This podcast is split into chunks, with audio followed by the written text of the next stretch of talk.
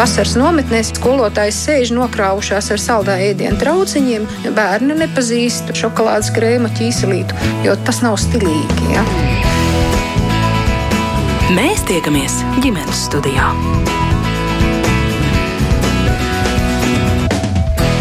Mīļš sveiciens ģimenes studijas klausītājiem. Šodien par situācijām ģimenēs, kad vecākie bērni kļūst par jaunāko māsu un brāļu auklēm. Ģimenes studija grib atgādināt, ko saka likums, no cik gadiem tad vecākajam bērnam drīkst uzticēt jaunāko pieskatīšanu, kādi drošības aspekti pirms tam būtu jāizrunā un kā nepārkāpt vecākā bērna tiesības uz savu laiku, kurā darīt sev tīkamas lietas un apgūt jaunas prasmes. Man sauc Mērķis Notiņa, un šodien ar mani studijā ir psiholoģija psiholoģe Dace Bērziņa. Labdien! labdien! Un labdien arī piecu bērnu mammai Sanitai Saukumai. Labdien. Labdien, jaunākā piecgadīgā atvasīte ir šepat līdzās studijā, bet, nu, es jau noskaidroju, tātad jūsu bērniem ir 16, 14, 12 un 8, un tātad jaunākajai 5 gadi. Jā, bet uh, es gribu pārliecināties, ka pa tālruni mūsu dzirdu un varēs sarunā piedalīties arī Valsts bērnu tiesība aizsardzības inspekcijas Rēzeknas nodaļas galvenais inspektors Jurijs Livdāns. Labdien! La, labdien! Jā, brīnišķīgi. Tātad eh, sarunas sākumā vēstuli, kur ģimenes studijas saņēma no kādas klausītājas, un to ielasījusi mana kolēģe Paula Gulbinska. Klausāmies! Gribu rosināt tematu, par kuru nākas bieži domāt, un atklāti sakot, sāp sirds. Kaimiņos dzīvo ģimene, kurā aug 11 gadus vecs zēns. Diemžēl viņa māma pirms vairākiem gadiem ir mirusi, tēvs izveidojis jaunas attiecības, un jaunajā ģimenē ienācis vēl viens mazulis, kam tagad jau divi gadi. Vecākiem brālim jau ilgstoši tiek uzlikts par pienākumu šo mazo caurām dienām auklēt un pieskatīt, patiešām burtiski stundām no vietas. Visi apkaimes bērni bieži vien vakarus, brīvdienas un brīvlaikus pavada kopīgi skraidot pāri, spēlējoties, bet šis puika rotaļāties ar citiem drīkst tikai tad, kad mazais guļ. Visiem tā ir vispār zināma lieta. Viņa brīvais laiks ir tikai mazā brāļa diendusa, un tā jau mēnešiem no vietas. Kamēr ir skolas gads, šis īpaši sāpīgi likās brīvdienās. Sestdienas, svētdienas viņam jāsēž pie brāļa, kamēr citi spēlē bumbu vai siltā laikā lēkā pa piemājas basēniem. Starp citu, tāpat tas bija tad, kad bērna māte atradās bērnu kopšanas atvaļinājumā. To novērojuši arī citi kaimiņi, kas uh, savstarpējās sarunās pauž neizpratni un sašutumu, jo situācija no malas izskatās nu, gluži kā pasakās par ļauno pamāti. Ģimene ir labklājīga, trūkumu necieš, dzīvo noslēgti ar apkārtējiem, kategoriski nekomunicē, tāpēc iet un ar vecākiem runāt, nu, tas nav variants. Taču pats puika nereti izstāsta tādas lietas, kas liek ne tikai pabrīnīties par vecāku attieksmi, bet arī saprast, ka tas ir reāls bērna tiesība aizskārums no tēva un pamātes puses, par emocionālu aspektu nemaz nerunājot. Diemžēl līdzinējā pieredze neļauj ticēt mūsu bāriņtiesas vai sociālo dienestu jaudai, lai ietu meklēt taisnību tur, pat šķiet, ka tas varētu kaut kādā mērā arī skādēt pašam bērnam. Protams, nekādas fiziskas briesmas viņam nedraud, ir apģērbts un pabarots. Tā nu dzīvojam, noskatāmies un neviens neko.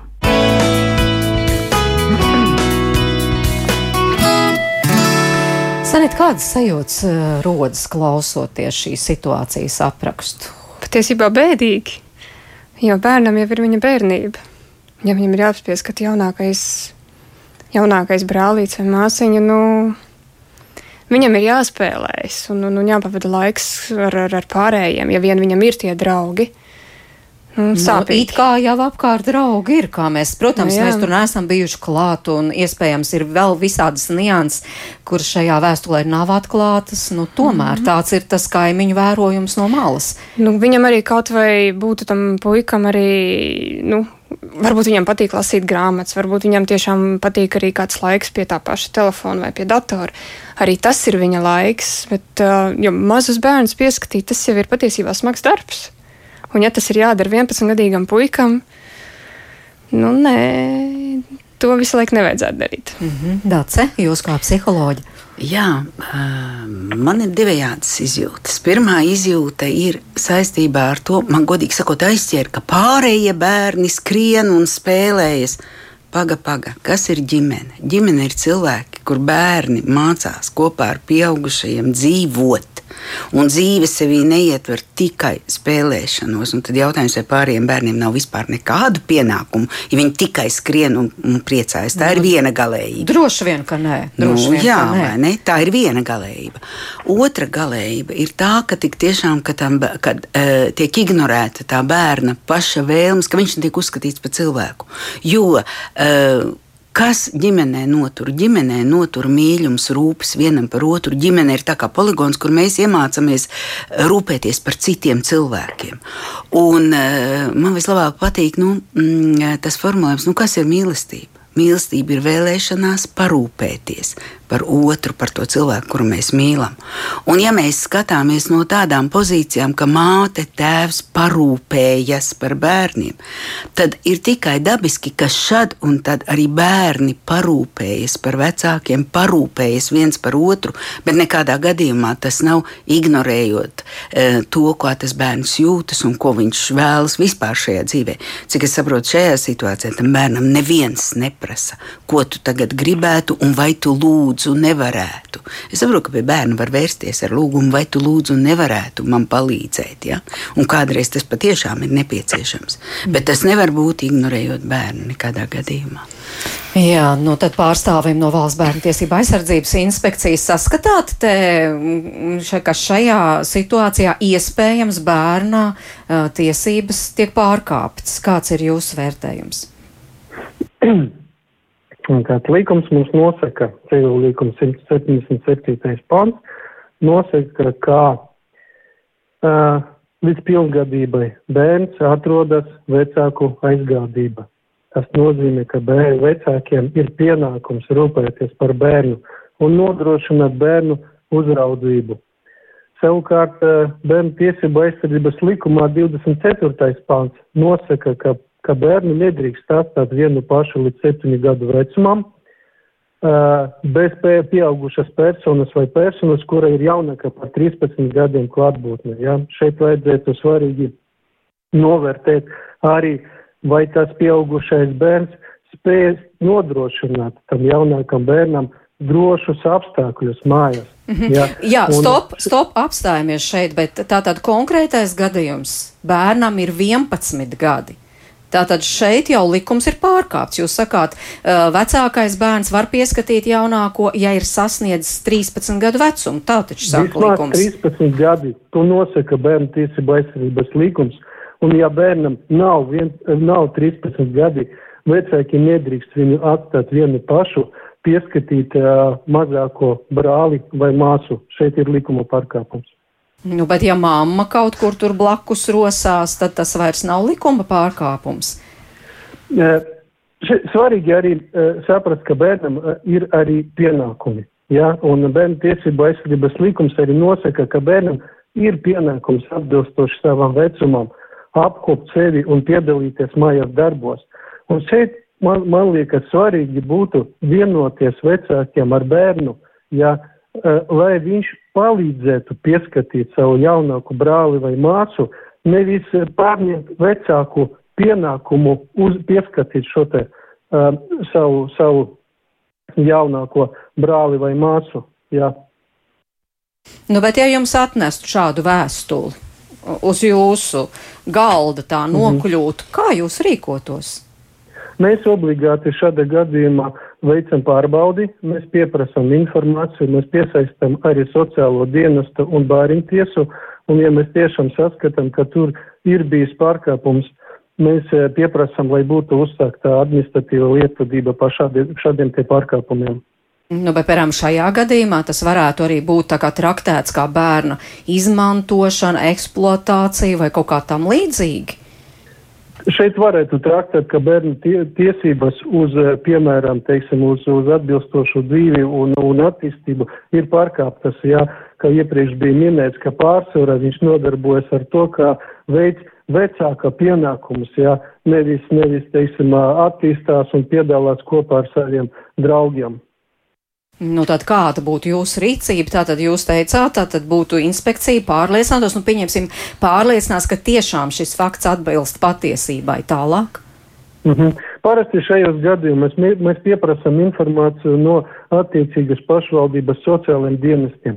Sociālajie dienesti sadarbībā ar bāriņu tiesu nosūta pārbaudīt, vai tā informācija atbilst patiesībai, izvērtē, kādos apstākļos bērns e, tiek uzturēts, izrunā ar bērnu un, un e, teiksim, bērna sarunu protokolē, e, sarunu protokola, un ja tiešām ir konstatēts pārkāpums, tad, tad tiek, tiek uzsākts process un, un, iespē, un iespējams arī vecāki būtu saukti pie atbildības.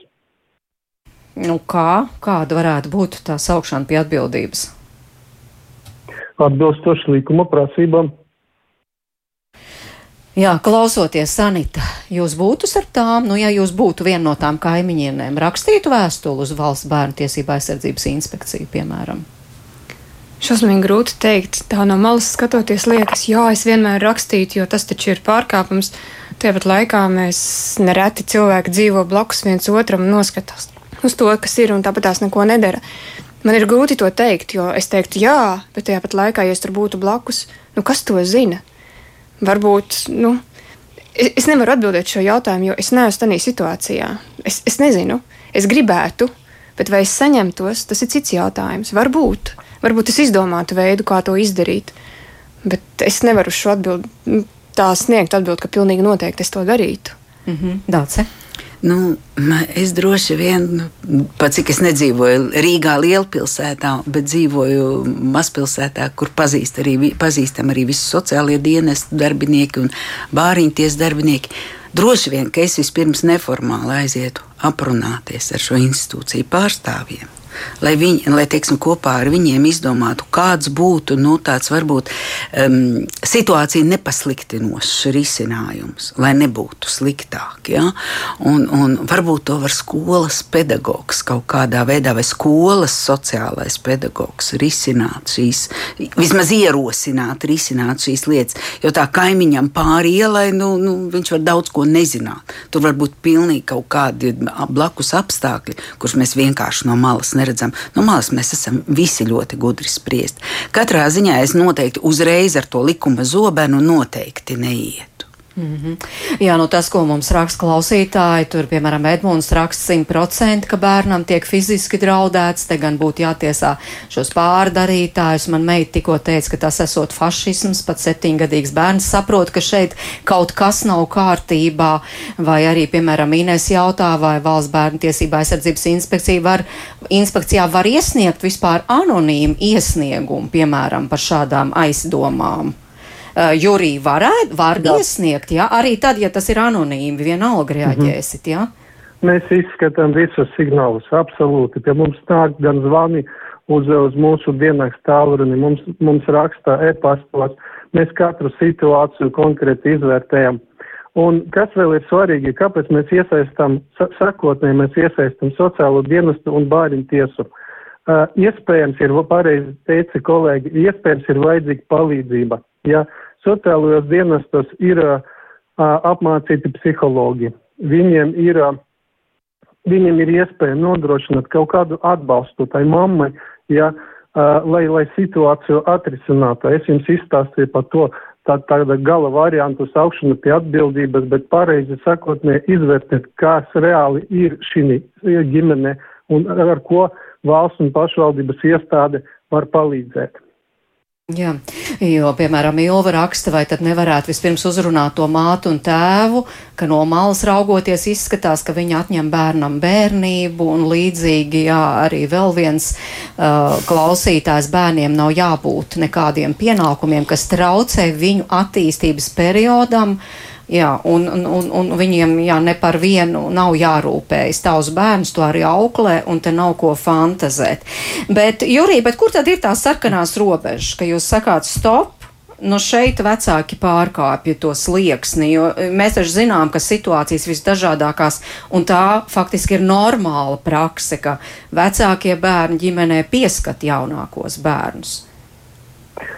Um Ļoti grūts jautājums. Likums ļoti strikti neatrunā. Piemēram, no kāda vecuma un kādos mājās darbus var iesaistīt bērnu. Un šeit ir svarīgi, kā ģimenē šis jautājums ir atrunāts, kā vecāki spēja vienoties par, par to atbalsta apjomu, nepieciešama atbalsta apjomu, un vai bērns piekrīt tam, Ja? Ka tas, kas, tas nav tā kā, tā kā viņa darbs, tā ir palīdzība, palīdzība vecākiem. Ja? Un, un uh, saņemot šādu veidu signālu, mēs, mēs uh, veicam ap, aptauju, mēs sarunājam ar bērnu, un mēs arī izvērtējam, ja? vai, vai bija tā robeža pārkāpta, vai bērns, bērns jūtas nu, nenovērtēts. Ja? Viņam, viņam ne, ne, ne, nav ļauts viņam, teiksim, pavadīt to brīvo laiku tā, kā viņš vēlas. Ja? Un uh, to, to var panākt tikai tad, kad mēs aprunājamies ar abām pusēm, un, uh, un tad, tad mēs saprotam, kur tā robeža vai viņa ir pārkāpta. Mhm. Nu jā, bet nu, tā tad atgādinam, tam vecākiem bērnam jābūt vismaz 13 gadus vecam. Vismaz 13 gadus. Jā, ir arī kāds laika limits, kuru tā kā ilgāk nedrīkstētu, piemēram, ne, ne vairāk kā kaut kādas noteiktas summa, stundas vai kaut kas tam līdzīgs. Nā, atkal nav likuma nekas atrunāts. Likumā ir atrunāts tas, ka vecākiem uzņemoties atbildību par to, ka jaunākais bērns ir nodots vecāka bērna uzraudzība viņiem ir jāizvērtē, vai, vai, vai šis lēmums uh, būs atbilstošs abu bērnu drošībai, vai netiek apdraudēts uh, bērna veselība un drošība. Ja?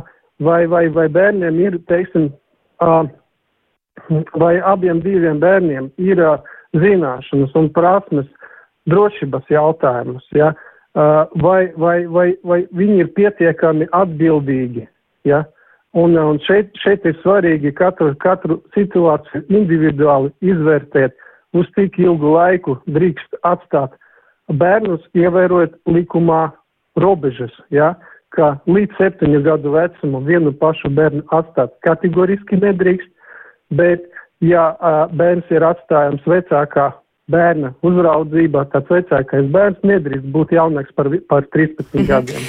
Jā, paldies, tik tā likums, tagad dzīve. Sanita, nu, piecu bērnu māma droši vien, ka taču ir tās situācijas, ka netiekat galā un ka tas ir pavisam normāli, ka vecākie pieskat arī jaunākos. Kādas ir jūsu ģimenē? Nu, tā mums ir. uh, Pārsvarā ir tā, ka uh, es pēcpusdienās, nu, tā kā ir skolas laiks, es vadīju bērnus pa pulciņiem. Un, uh, protams, lai neņemtu jaunāko līdzi, tad, ja ir, piemēram, kāds no vecākajiem mājās, tad ir, uh, es aizvedu to un to uz turieni, Laura paliek mājās, pieskati. Bet es zinu, ka tās ir nu, 15 minūtes, jo nu, mēs arī Rīgā nedzīvojam, līdz ar to attālumi ir mazi. Es aizbraucu, atbraucu un es esmu mājās. Tas ir īsts periods. Laura ir cik Laura ir gadi? Laura ir pieci. Ah, jā. Mhm. jā, un, un, un Līdz ar to, nu, uz tik īsu momentu vai nu, tā pusstunda, nu, es domāju, ka tas ir pieļaujami, jo arī, arī viņas ar vecāko māsu, ja viņas abas mājās ir, viņas abas ļoti labi spēlējās, un tad nav tā baža, ka tu viņu nu, nedrīkst atstāt. Jo paņemt viņu visur līdzi arī viņi arī negrib. Saka, es labāk palikšu mājās. Es zinu, ka viņas spēlēsies, ka būs viss normāli. Es tikai pasaku, es aizbraucu, viņas paliek pieskati. Ja kas, tad zvani. Bet līdz šim nu, nekas tāds nav bijis, ka kaut kas būtu noticies, jo tas periods ir gana īss. Mm -hmm. Tātad galvenokārt jūs uzskatāt, ka uh, tas laiks, cik ilgi bērnam, tas lielajam bērnam, mazais bērns tiek uzticēts, tas ir tas svarīgākais. Nu, nu ne, ne gluži tur ir jāskatās no situācijas, jo ir jāskatās arī, cik tas vecākais bērns ir vispār gatavs pieskatīt. Vai viņš ir pietiekoši atbildīgs, vai viņš tiešām viņu pieskatīs, vai es vienkārši zinu, ka viņš tur būs Ja nu gadījumā kas te pie viņa pieejas un man piezvanīs, nu, tas ir ļoti atšķirīgas lietas. Nu, piemēram, es zinu, ka vecākais puika ir ļoti atbildīgs, un, un, un viņam varētu arī uz ilgāku periodu atstāt, un, ka to var izdarīt. Cik vecākajam ir 16. Gara? 16 gadi. Bet jūs tā vienojaties ar to 16-gadīgo iepriekš. Tā tad tu jau zini, ka tad un tad, un tik un tik ilgi laiku, uz tik un tik ilgu mm. laiku. Tad, vai? kad ir skolas pulciņi un vadāšanas, tad ir, ja ir mājās, tad es vienkārši pasaku. Jo es saku, nu, īpaši ziemas laikā, tad, kad tie mīnus ir bērni saģērbti, nu, tīri laika taupīšanas nolūkos arī es pasaku, ja nu kas, tad zvani. Nu, viņa paliek mājās. Bet, ja tas ir uz ilgāku periodu, piemēram, pavisam nesen mums arī mēs dejojam deju kolektīvā, mums ir pasākums, un turpat Jālgavā mēs gribam aiziet uz balli. Tu saku, tu tad un tad būsi mājās, jā, būšu, tev nav nekas ieplānots. Nē, nav taču nekur neies, nekas nav ieplānots ar draugiem. Nē, nebūšu. Tu varēsi Lauru un Austru pieskatīt. Nu, labi, cik ilgi? Nu, es saku, nu, kamēr ballīte būs, nu, nu būsim mājās. Nu, nezinu, kā ies tur 11, 12. Nu, mēs tepat tās būsim pilī. Jā, labi. Mm -hmm. nu, bet tā, tad tas ir tiek uztverts kā tāds pienākums. Nu, kā vienkārši tā notiek ģimenēs, vai arī tas pēc tam kaut kā tiek atalgots ar naudiņu, varbūt ar kādu Nē, gardumu vai kaut kā tam nē. līdzīgu. Nē, nu, tā kā arī kungs teica, nu, ir bērnam arī pienākumi. Nu, nav tā, ka viņam tas jaunākais obligāti būtu jāpieskata katru reizi.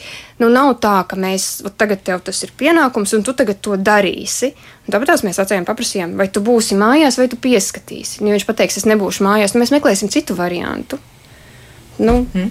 Jā, Dace, Tieši jums tā. kā psiholoģijai, vai to var uzskatīt par pienākumu? Nu, ne- tā tad tas ir mēs, kā jūs pati teicāt, mēs te ģimenē visi dzīvojam un viens otram palīdzam, tā kā savā ziņā tas uh, varbūt ir arī pienākums. Vienkārši, bet viens otram palīdzam.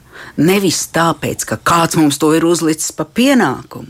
Bet mēs viens otram palīdzam, tāpēc, ka mums ir mīļi tie cilvēki, kas mums ir apkārt. Un mēs zinām, ka tie apkārtējie ģimenes locekļi nāks mums palīdzīgā, ja mums kaut ko vajadzēs. Un tāpēc nu, tā ir tā savstarpējā pretīmnākšana, kas labā ģimenē vienmēr ir, ka uh, patiesībā to neuztver kā kaut ko uzspiest. Tur tik tiešām, jo es tā domāju, nu, uh, arī nu, lab, jau labs laiks paudzes, kad mani četri bērni auga, bet pieredze ir visai līdzīga. Ja? Ka tik tiešām ar vecākam bērnam paprasīja, nu, loģistiku kārtoja, vai tu būsi mājās tad un tad, jo mums tur jāizbrauc vai jāstrādā vai kas jādara. Ja? Mēs nevaram būt mājās, vai tu vari. À, ja nevari, nu, tad mēs meklējam citus variantus. Ja?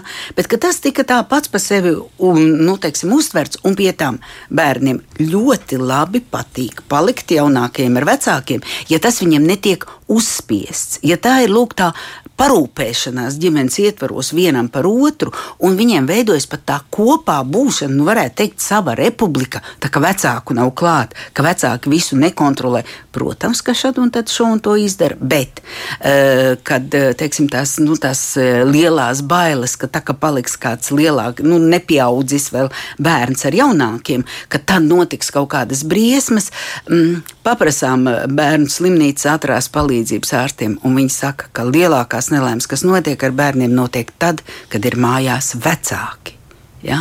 Un līdz ar to arī nu, mēs nevaram teikt, ka tikai tad var notikt nelaimes, kad ir bērni paši mājās, ka tikai tad viņi ir neparedzējami.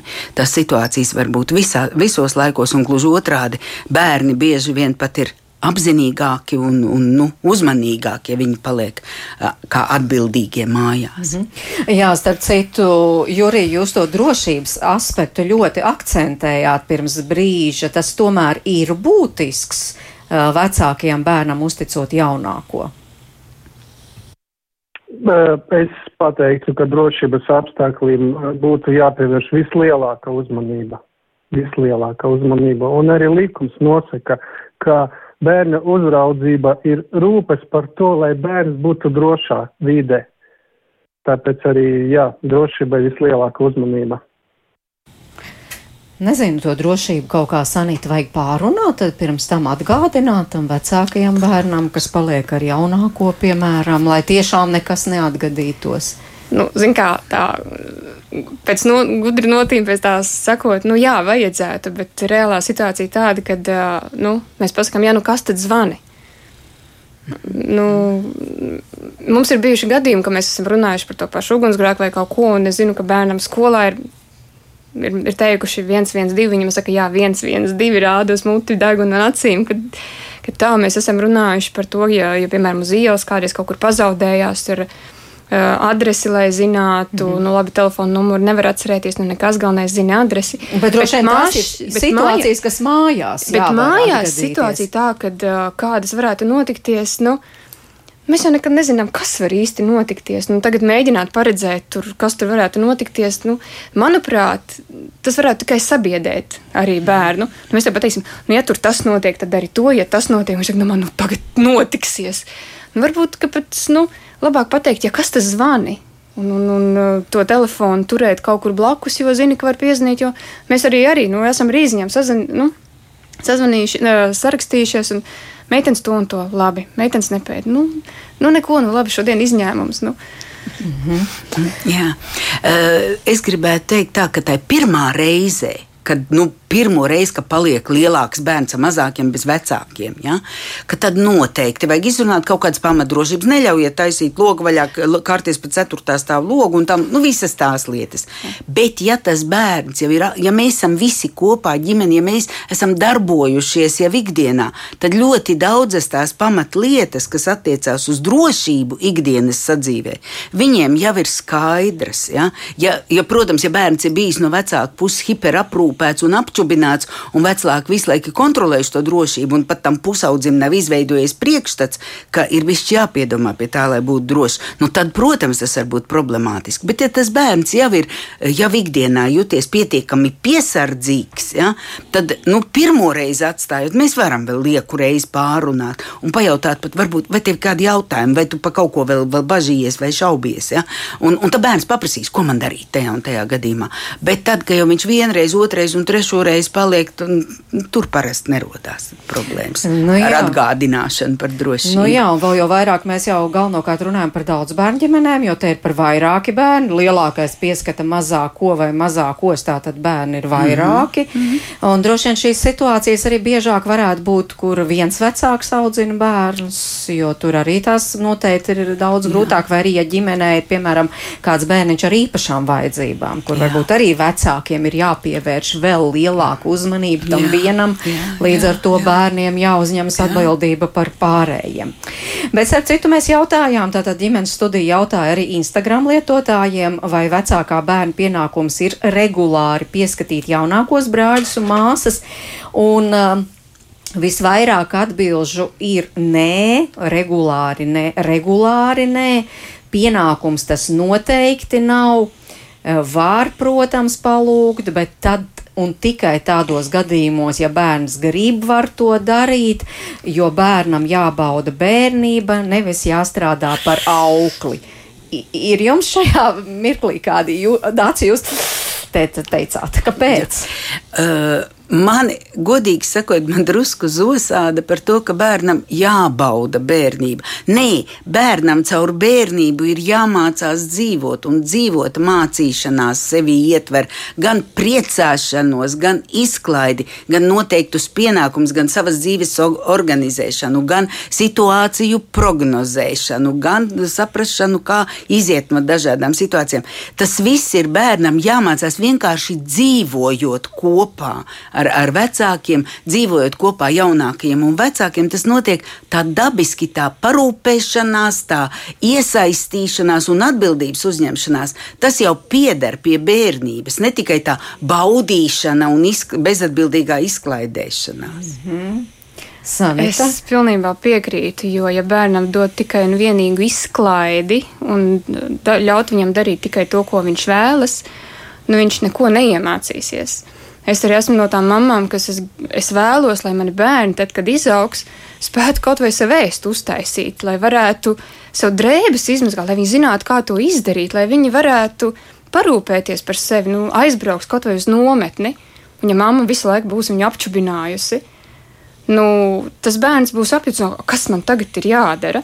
Un tāpēc mājās arī, nu, lai arī kā tur būtu bērnam, ir savi pienākumi. Jā, izklaidējies, bet uh, istaba Nu, tā ir istaba, mm -hmm. nu, bērnu atbildībā sakārto, ja tu to vari. Jā, bet vai var likt vienlīdzības zīmes starp istabas kārtošanu un bērnu pieskatīšanu? Nu, tas laikam nē, gluži nav viens un tas nē, pats. tas nav pilnīgi noteikti. Tā kā jau nu, par bērnu pieskatīšanu mēs kā nu, vienojamies, ka nu, par etam var, Nu, tā, mhm. lai uh, tas, nu, manā uztvēlē tas nekļūst par apgrūtinājumu, ka viņš tiešām grib, tas bērns grib kaut ko citu darīt un kaut vai iet pārgājienā. Mēs viņam sakām, nekā nebija, tu tagad pieskatīsi jaunāko. Nu, tā gluži nē. Bet, ja vajag, nu, tad jāpieskata, nu, ja, ja ir mājās. Bet visādi citādi nu, ir jābūt kaut kādam balansam. Nevar būt pilnīga visatļautība, pilnīga izklaide. Uh, vai arī pilnīgi un tikai nekāda izklaide un tikai pienākumi. -hmm. nu, bet, bet, ja bērns saka nē, Nu, piemēram, arī atgriežos pie šiem Instagram uh, lietotāju atbildēm. Te mums, piemēram, arī raksta, Uh, biju vecākais bērns, un tas, diemžēl, atstāja nospiedumu uz visu dzīvi. Jā.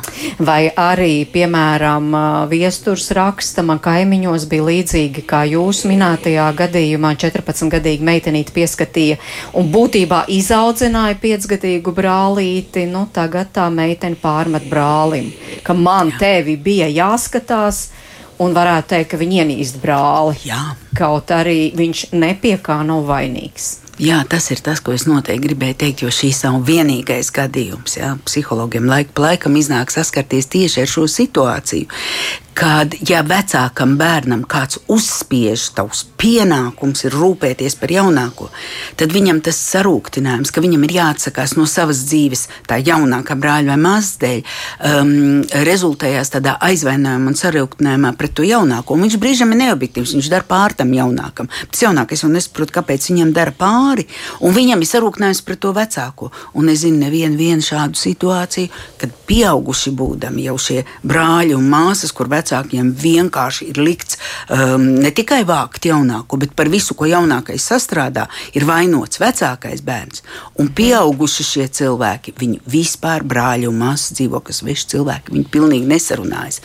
Tā tad ir viss kārtībā, ja laiku pa laikam, un pat kādreiz var gadīties, ka regulāri iznāk pieskatīt to mazāko. Nu, piemēram, kamēr mamma ved trešo bērnu uz pulciņu, tikmēr pirmais pieskata ceturto, piemēram. Ja?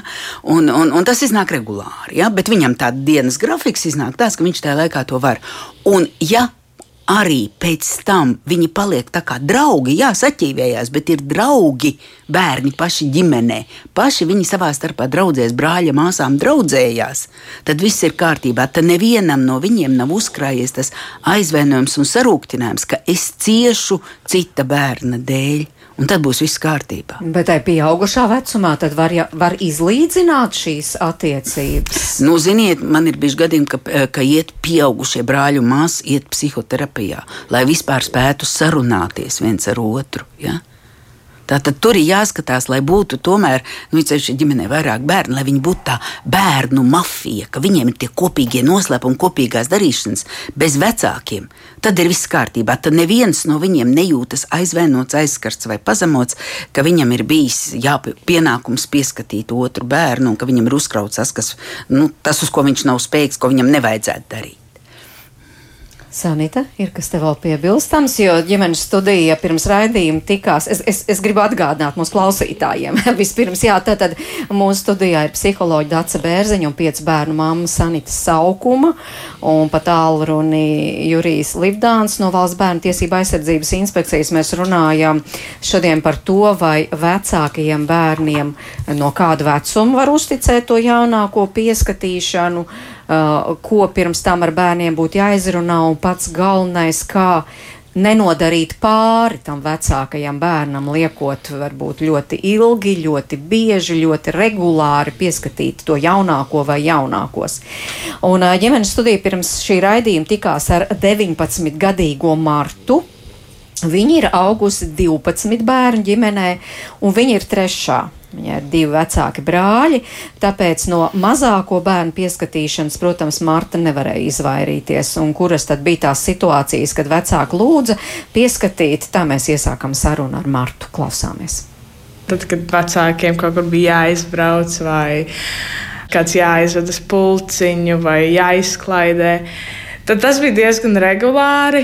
Bet man šķiet, mums ģimenē bija ļoti labs līdzsvars, jo mēs esam daudz, un mēs varējām sadalīt kurš kuru vada uz pulciņiem, vai kurš tagad paņems ar vienu brāli izies ārā. Jo mums arī ir sava personīgā dzīve, un eh, man šķiet, tas bija ļoti labi, ka viņi respektēja to, ka mums pašiem ir arī savs laiks, kur mēs vēlamies terēt sev. Jo tā auklēšana mājās, brāļu un māsu auklēšana, tas jau ir pilnīgi bez maksas. Neviens to nemaksā par to, tā nav īsti nekāda labuma.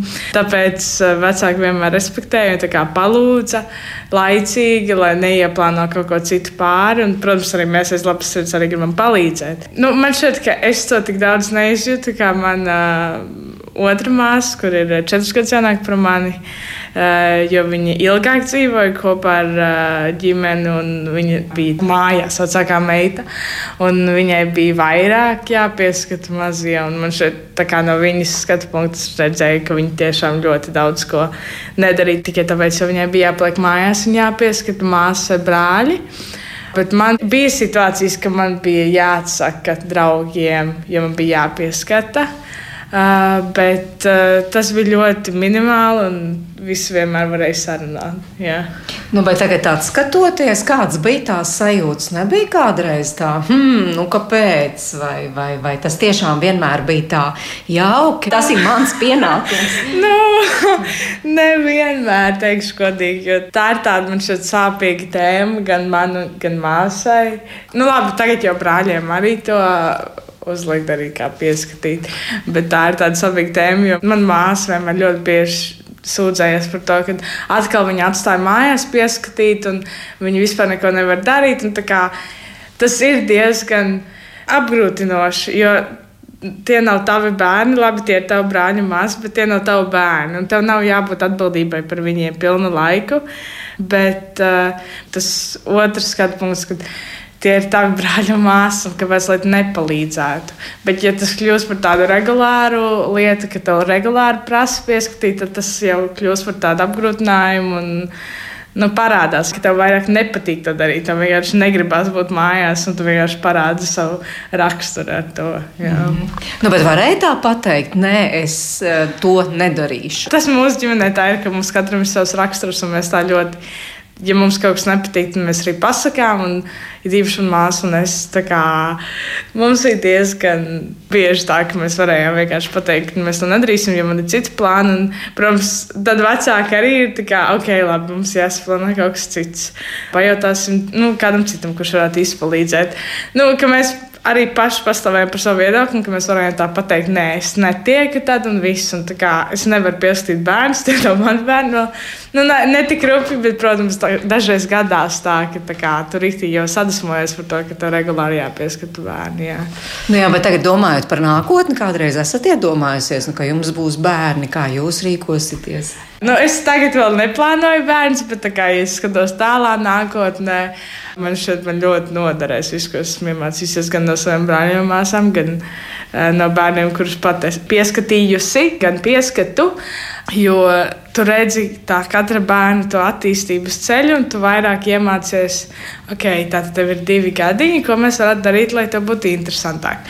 Un tas pēc tam noderēs man pašai, jo man vairs nebūs jālasa grāmatās vai jāprasa internetā, ko man darīt ar divgadnieku. Nu, man nav bail no bērniem, jo es zinu ļoti daudz jaunus cilvēkus un jaunus vecākus, kuriem nav bijusi iepriekšēja pieredze ar bērniem, un viņiem ir nedaudz tā tās bailes, un viņi ir tādi ļoti, ļoti uzmanīgi ar bērniem, nu, kas ir ļoti pozitīvi, protams, ka tu esi ļoti uzmanīgs, bet tajā pašā laikā man šķiet, ka es esmu ieguvusi drošības sajūtu ar bērniem, ka man nav bail ņemties ar maziem bērniem, nu, kas ir mēnešus veci, vai ar divgadniekiem, četrgadniekiem, septiņgadniekiem. Nu, man nav bail, ka viņi nokritīs, labi, viņi atstīs galviņu, bet pēc tam jau tā kā tu iemācies no katras tās kļūdas. Un, un, un, jā, man šķiet, tas ir tas, ko es vairāk esmu ieguvusi no tā. Mm -hmm. nu, jā, piemēram, šovasar jūs strādājat par auklīti. Jā. Ģimene, kura jūs pieņēmusi, viņi to novērtē, ka jūs nākat no tik lielas ģimenes. Jā, jā man šķiet, tas bija galvenais iemesls, kāpēc uh, mani paņēma par auklīti. Jo uzreiz pasakot, ka es esmu vecākā meita no tik lielas ģimenes uzreiz ir tā reakcija, ok, tu zini, ko tu dari.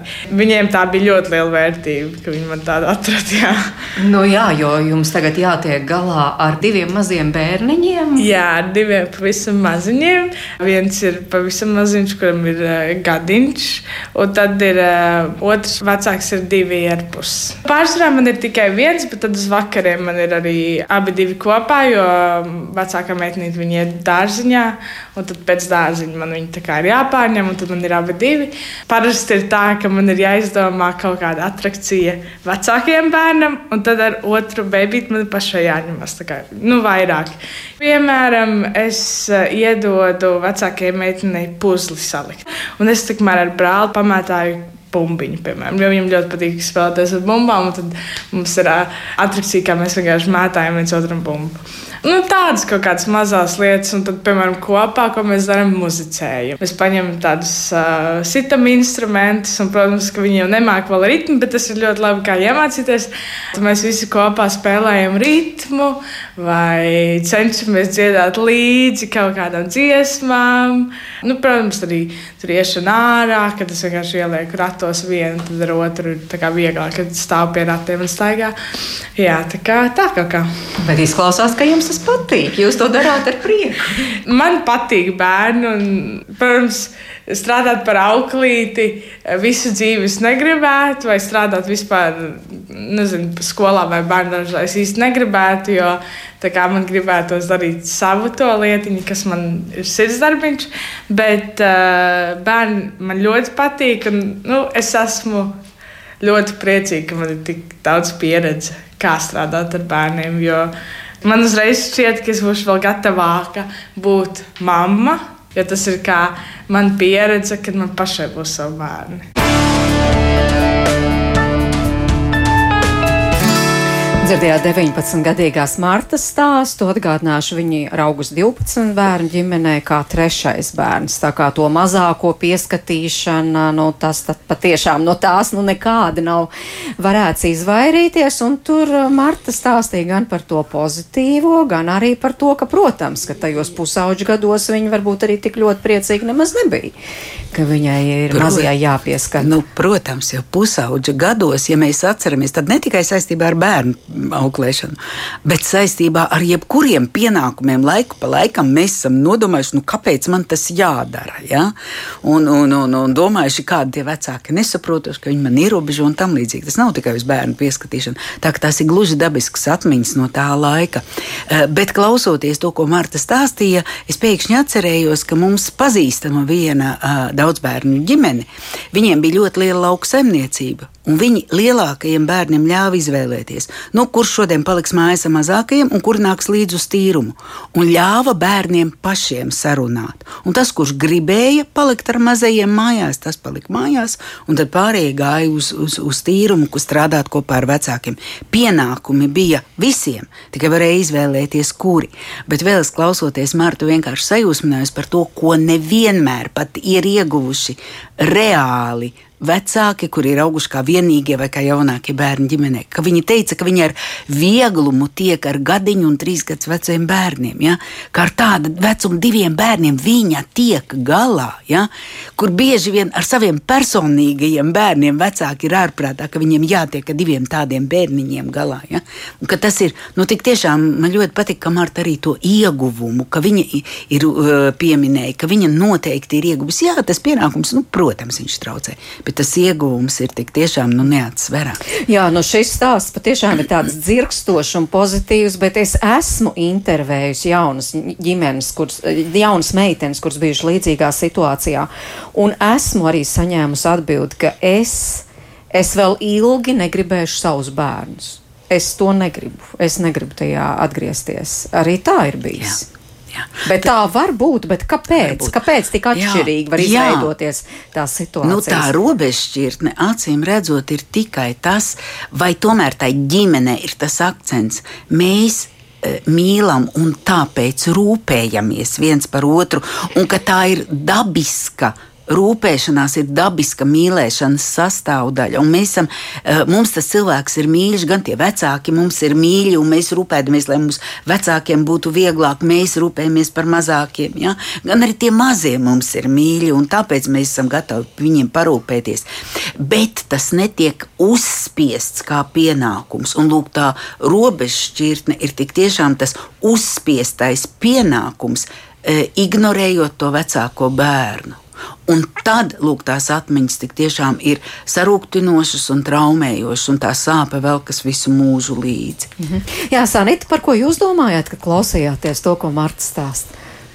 Tas tāds pozitīvs um, tiešām piemērs par to, ka um, bērns pieskatot savus brāļus un māsas, gūst vairāk labumu, un ka viņa arī pati to apzinās, ka viņa ir no tā guvusi labumu, un ka paskat tagad pati pieskata mazus bērnus.